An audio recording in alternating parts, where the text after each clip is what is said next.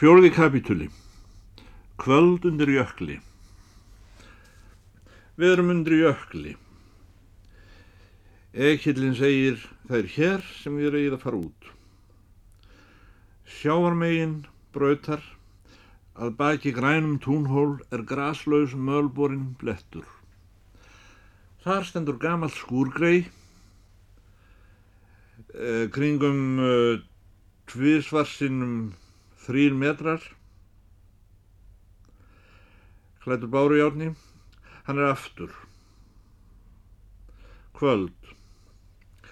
Þoka hefur sest í fjallabrúnunar mannvistar leifar auk skorpskúrsins eru ekki aðrar en fiskinn trebekkur jarðfastur úr þrem plöngum. Öðrum eigin við kofadirnar Undirritaður sest á bekkin með sjópokkan við hlýð sér og tekur upp kortið. Þokan hefur skellt ofan af fjallgarðinum öllum og er hver ekki dimmari en þar sem jökullin á að vera eftir kortinu. Þaðýrir úr loftinu. Það skýn í grænkandi túnhólinn í rökkrinu og skaga fram úr honum hraunnibbur hér og hvar. Þegar ég tók aftur í læsta skúrhurðina sá ég fyrir ofan dyrnar spýtu. Og hafi verið málað á hana letur úr kinnróki eða tjöru endur fyrir löngu. Þó á letrunni væri máð og ríkfallin og spýtan fúin mátti þó grilla þessi orð. Hér er gert við prímusa Heimreiðina pressitrinu lág í hálfring um túnhólinn. Rétt við göttuna stóð kálfur í tjóðri ógn óburður, vampmikill með skitu, grettur, úvinn á krúnunni, hengdi niður hausinn, baulað ekki. Gesturinn stendur á hlaðinu. Langlið húsins vissi mót sjónum og túnið tegði sig fram á sjávarhamar þar sem hvítir fuggla sveifumöðu ofan yfir. Er það biskupin? spyr konan okkur og kemur fram í dinnar. Umbi. Ó nei, ekki nú svo vel, en ég er með bref að sunnan. Konan. Þér eru sama sem biskup og það var gert bóð á undan yfir í skeiti. Gerði svo vel. En presturinn ekki heima. Þetta er rángala hús samsett úr mörgum einingum. Ílangt framhísi frá austri til vesturs úr timbri og bárujátn utan á. Gluggar og dýr á þeirri hlið sem vissi að sjónum. Síðan tóku við ólögulegir timburkumbaldar sem smám saman liðu út í óendanleg leika fullan af torfkofum, rambandi eða í rústum.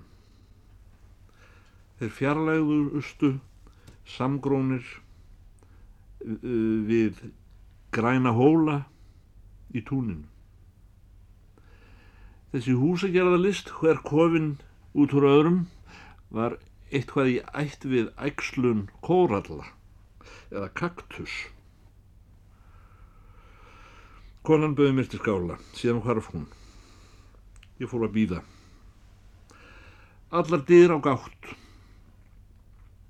Rakan súg lagði inn og kaldranalegur jarmur sjófugs úr björgunum fylti opið húsið í rökkrinu. Útidera hurðin var af hjörun, skála hurðvissi fram á gangin og marraði í nýstingslega ef reynd var að reyfa hana. Skálinn hafði í fyndinni verið málaður ljósblár en liturinn var dottin upp úr og skellurnar voru dökkrauðar af ennþá eldri málningu og komna skellur í skellurnar. Þessar innri skellur voru eiturgrænar. Í skálan var gríðalangt borð og meðfram því trebekkir sitt hormegin. Allt úr óunnum plöngum og reykið saman með fýrtómu. Pólutur húsins var kommóða, skrifborð og skattól, allt í niður nýtara lagi og ekki auðvelt að ímynda sér hvað hefði orðið af skuffonum því þar voru með öllu hornar úr hyrslum þessum. Þegar umbóðsmaður biskus var búinn að sitja í klukkutíma fór að slá að honum í þessum hráslaga. Hvað átti umbóðsmaður í þar að gera af sér? Átti hann kannski að leita að konunni og segja að sér væri kallt? Var hann þá komin í þetta ókunna hús til að kvarta yfir hlutskipti sjálf sín? Hann komst að fyrir nýðurstöðu að hann hefði ekki rétt til að kvarta. Hann var ekki sendur hinga til annars en leita staðrænda. Ef hann átti að sitja hér upp í málþóla í nótt þá var það eins góð staðrænd í skýrslu og hver önnur. Það er ámunda óvísindalegt og það veri óheiðarlegt að stöðva vísindarlegan prósess í miðjú kafi af móralskum ástæðum til að mynda af því manni er orði kallt á fótólum. Umbóðsmaður hafiði fyrsta klukkutíman dvalið fyrir sér með því að hripa upp í hraðríti ferðarsögu dagsins en hætti vegna kulda en það var varlega skrifljóst lengur og þess vegna þetta ferðarsagan botlaus nýður á kjóunum í Kolbinstaðarreppi. Stendur á fætur, tegir sig og glýmir ökn við marrandi hurðina en gengur síðan út og stefnir í sjáarátt og er komin á bjarg brún. Víða var færtugt, sem staðar áreðanlega sextugt. Þessi kolsvört björg voru eins og fann barinn svo þröndsatt hvítur fugglinn í næturhúminu. Á sillu sem var ekki stærri en lófimanns byggu margar familíur. Þetta er skegglubyggð. Jafnvel um miðnóttina er skegglubyggð sjaldan hljóð á þessum tíma árs. Það minnstakosti ekki lengi senn. Þá allir viðist vera búin að lesa bænindan sínar, þá veit enginn fyrir til en einhver hefst upp úr einsmanns hljóði í skrækri falsettu eins og hringt í eldklukku. Stundum er röttin snögg og sár og eins og ylfur í hundi sem vaknar við að stýðir á skottið á honum. Stundum eins og þegar hvítvoðungur fer að hrína feldsfullur upp úr fastasvefni, vakinn af orðlausum draumi sem kom í hæstalagi af smávegis óþægindum fyrir hjarta. Skeglubyggðin gladvaknar og tekur undir dálitla stundums fólki kemur sér saman um að fara með fadir vorið aftur og býða næsta vekjara. Undirritaður hafi ætlað að sækja sér hita í kroppin en það er hrollaugaldi heldur en hitt að hlusta á jarmfugla í ráslaga um nótt snemma vors. Fymti kapitúli. Nall þóru þáttur og huldur hrúts. Klukkan er 00.00 á miðnætti. Ámins sann besti ekki einhver staðar. Kaffilikt á móti manni út úr húsinu.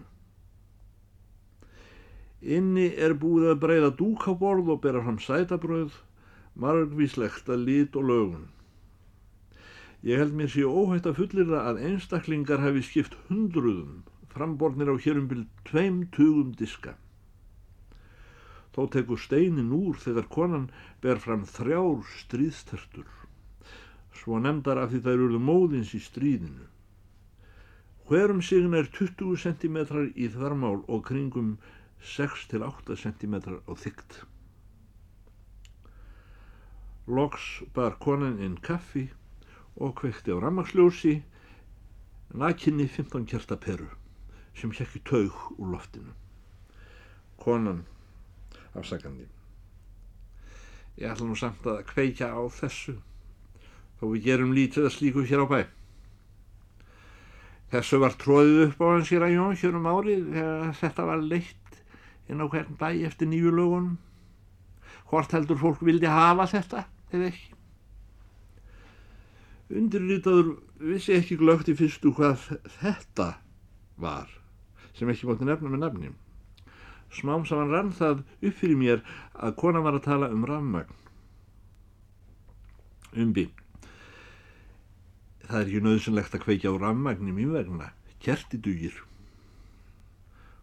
Konan. Valla er það nú biskupum bjóðandi.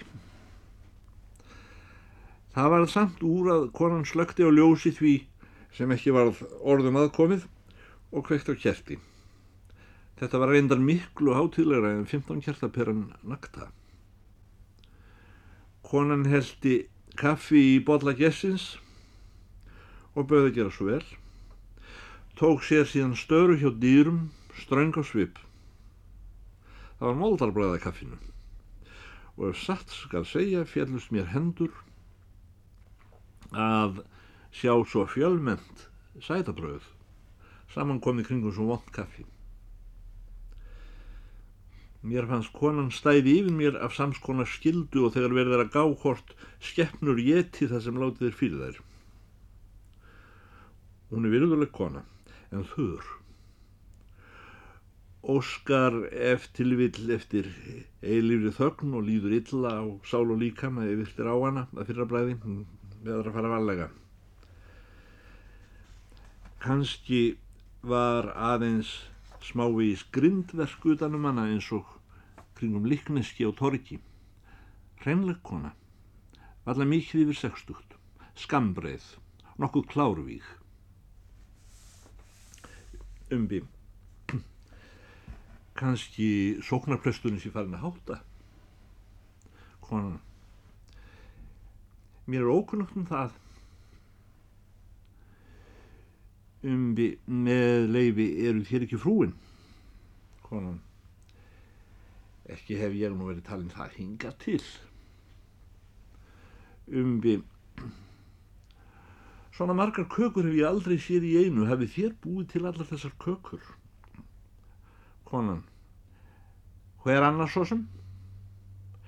Enda kallar það mig nallfóru hérna umbi. Sérkennilegt nafn. Fröken Hallþóra. Ætli því hérna teki ég ekki hann fjalla nallinn í mortilinu nokkuð frekt. Umbi. Mm -hmm. sjálfsagt mjög skemmtilega hugsað. Fröken Hallþóra. Það er séð offsjónum í výmsu hér í sveitinni stórfrúr sem hafa hræri vél tala um vort til mitt. E, hvað er kardímóman áður hún hefur verið sett undir hnallins spyr ég. Gerir svo vel að brúka með kaffinu. Umvi fyrirgefið er um, pressfrúin sjálf ekki heima? Frökun Hallþóra e, ég veit það ekki. Eh, ég hugsa kannski hún sé ekki í hjá þurfti biskupin að tala við hana?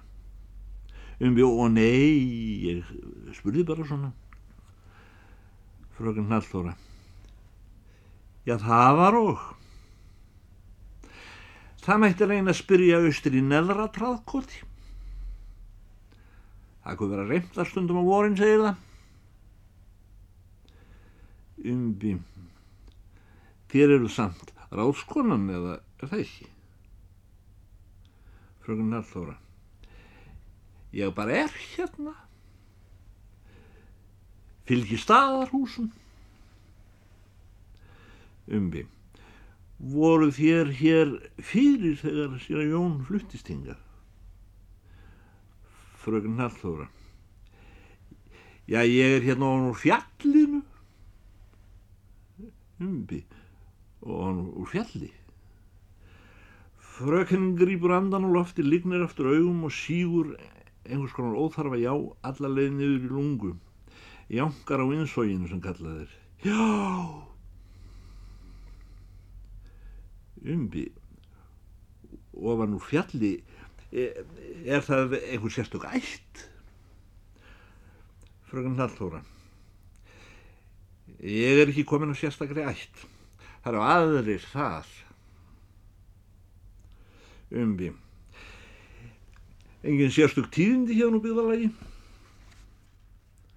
Fröken Hallþóra. Og það gerir svo sem ekki mikið hjá því hérna. Kemur aldrei neitt fyrir nokkur mann. Engin hefur séð neitt. Umbi ekkert komið fyrir íður heldur? Aldrei séð neitt? Fröken Hallþóra ekki sem ég get talið. Um við kannski eitthvað sem þér getur ekki talið til að mynda hafið þér aldrei átt hest? Fröken Hallóra nei, drottin verið lofaður. Aðrir hafa sem betur fyrir átt hesta en ekki ég umbi hver á kálvin fröken Hallóra kálvin þetta sem er að drepast? Ég veit ekki til hvers það er að gefa mér þetta. Hér er ekkert að gefa kálufinn nema kaffi einstaklega sinnum og gamalt bakkelsi sem ég mýl saman með. Aftur á móti er ég ekki að fara í launkofa með það við nefnar einu sinni kom dulítið fyrir mig, ég sá dulítið en aldrei nefnir þetta eina skipti. Um við Þetta ætlar að fara betur en á horðist. Fröken Hallþóra. Náttúrulega segja ég það ekki nokkrum manni. Umbi. Já, það var nú aftur lakara. Fröken Hallþóra. Ég ætla að fara fram og bæta í könnuna. Uh, takk fyrir það er alveg óþarfi ég, ég er ekki vanur að drekka meira en eins og hálfan botla en, en ég sýnist þessi kann að uh, taka minnstakosti hálfan annan lítra ekki verið annað komandi en konn færi fram aftur með könnuna til að fylla hana gaf þó valla mikið borð hafa komið á hana meðan fröknum var úti gaf umbóðsmaður biskups valla haft augun af stríðstertunum þrem út belgdum af krúðir í og voru samtals 60 cm í þarmál. Ég svitnaði dálítið á enninu. Í vonum þess að einhver fróðleikur myndi tókast út úr frökninni með þólinnmæði þáði ég þriðja bollan mót venju. Það hreif. Kaffið þann bjessins fór að verka leysandi á þessa bundnu konu. Viðbröð Hennar urðu mennskari og hún gegst undir þá mjúglætingu sálarinnar með uppgjöf fyrir guði og mönnum sem er í því fælin að segja sögu. Hún veg aftur að þessu einu sem fyrir hana hefði borið um dagana því eina skipti sem hún hefði séð eitthvað. Það var fyrir hartnær 50 árum en, segir hún, Ég mann það eins og það hefði gert í gær. Má ekki skera biskupnum tertu gæra? Um, það er um svo sem alveg óþarfi en takk fyrir. Frögun Hallóra má ekki skera sinn gæran af hverji. Það stóð aldrei til að þetta færi í tjörubúðar hundana. Gesturinn sárbytti hann að skera ekki nefn af einni, helst þessari með síkurskáninni því hún var ekki eins blöyt og hinnar og vall ekki út úr henni eins mikið af saft og dósa ávöxtum. Síðan skar hún mér gæra sem var hæfilegu skamtur handa sjö manns og let á kökudiskin hjá mér. Frögn Nallóra Ég var eins og hurstanað unlingstötur Ég var sendið einhverja erinda út í Bervík. Í staðin fyrir að ganga sjáargötuna sem leiðlikur að neðanverður, þá þrætti ég fjárgötur að ofanverður, beint yfir jökulvörpin. Þannig eru margar fallegar dokkir fullar með mosa og berja ling. Og sem ég nú geng þarna upp eitt varpið veit ég ekki fyrr, en ég sé morðan hrút, vaninn hindan, standa þarna einan sér og engin önnur skeppna neinstaða nær og horfir á mig neðan úr dokkinni. Ég hef aldrei orðið eins hrætt á minni lífsfættri æfi mállaus manneskjan, varnarlaus hvernmanns kind, Því ég vissi að horki þessin ég neitin annar vanin hundur hrútur móruður var til hér undir jökli. Það sló á hann gildum bjarma. Aldrei um mína daga hef ég séð annað eins að reyfi á nokkuri lifandi skefnum. Mér fannst ég ætlað að vera það steini. Ég gæti lengi ekki haft augun af þessari dáfallegu skefnu sem ég vissi að ekki var til, hvorki í innsveitum niður útsveitum niður á öllu Íslandi. Hann stendur kýr að sínleiti og horfir á mig. Mér er sem ég standi þar enn þann dag í dag og hann horfir á mig. Hvað átti ég að gera? Seinast hafi ég þó vita á að hlaupa í hvarf. Ég tók á mig stóran krók ofan af varpinu og hljóp eins og fætur tókuð og þrætti mig eftir laudardrögum alla leiðinir að sjó og þá var ég komin á þjóðgötuna.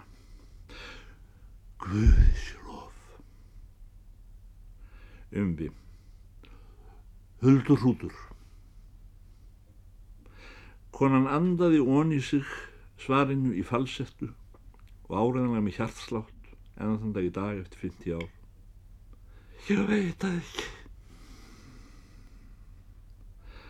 Umbi var nokkun tíma komist til boss í þessu. Fröken Nallþóra.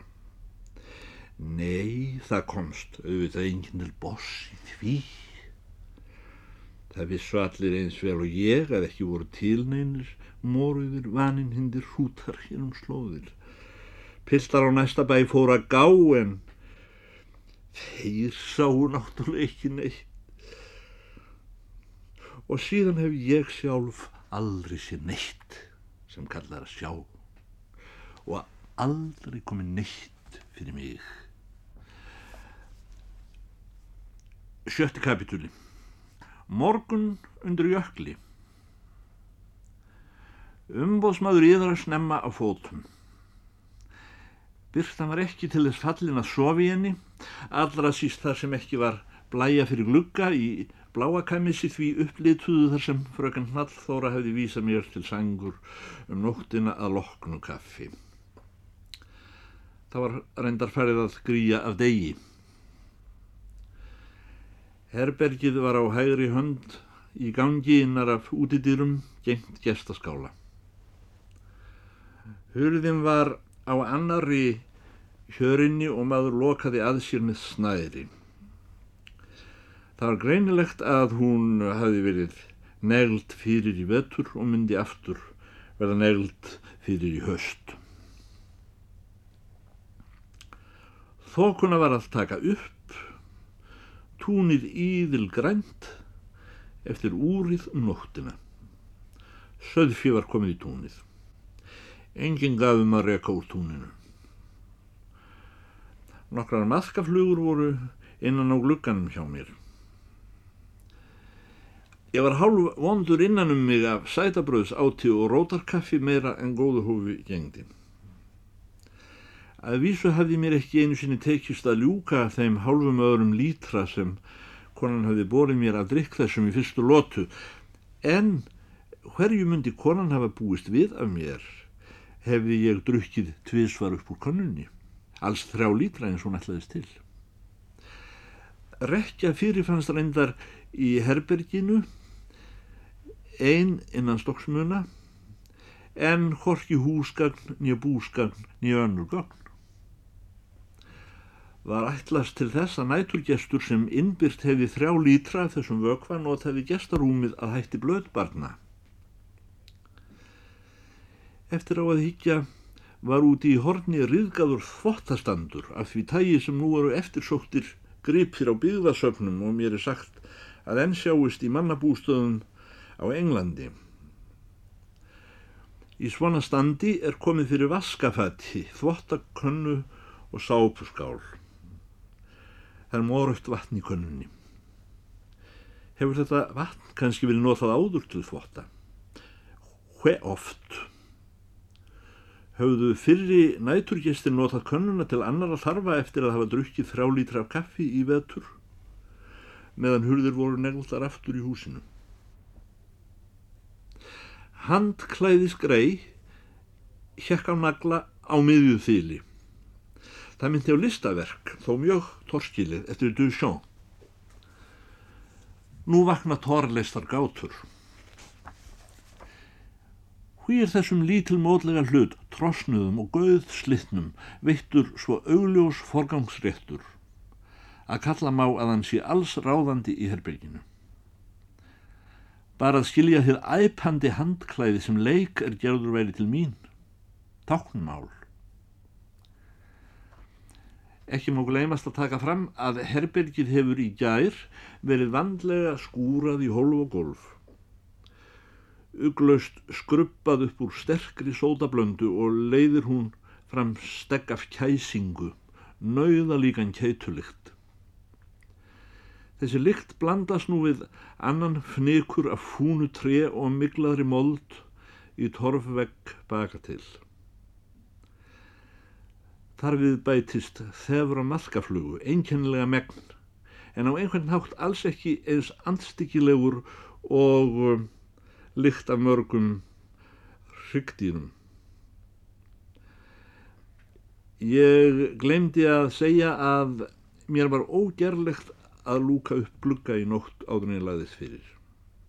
Hvernig þessar feitu og þregmiklu maðkaflugur höfðu komist inn var mér hulið. Eitt var víst, útkomust þeir ekki. Kanski ekki heldur til þess ætlast. Var hugsanlegt að flugur þessar hefði verið sóttar hingað eftir að búa að skúra og, og ef svo var íkvaðaskinni. Voru þær staðgengil myndlistar í húsinu eða skrauts kom þær í stað gullfiska eða kanaríufugla eftir vil hvort vekja myndlistar blekking augans flugur aftur á móti lífandi skraut og auk þess fjörmeiri en blóm því blóm eru döf í reyfingum og þeia jáfnvel gullfiskar eru þöglir en, en maðkaflugan er kanaríufugl öreigans. Gæt söngrött sem vekur endurminningar hjá gestum. Maðkaflugan minnir undirritaðan á sólskin æskunnar. En hún vekur einnig hjá manni siðferðileg vandamál sem nöðsum ber til að leysa en eh, hafa mér vitanlega ekki verið leist til lítar af síðaspekingum og mannkynsfræðurum. Í þessar beiglur er ég nú komin undir jökli, ég spyr. Er síðferðilega rétt að drepa flugur þegar á allt er litið og í öðru lagi uh, þó það kunni í nokkrum dæmum að vera afsakanlegt til að mynda að flugur er að því uppvísar að bera pláurinn í húsið. Er þá siðfyrðilega rétt af gesti að drepa þessi kvíkindi væri það ekki hlustætt við að drepa hundin fólksins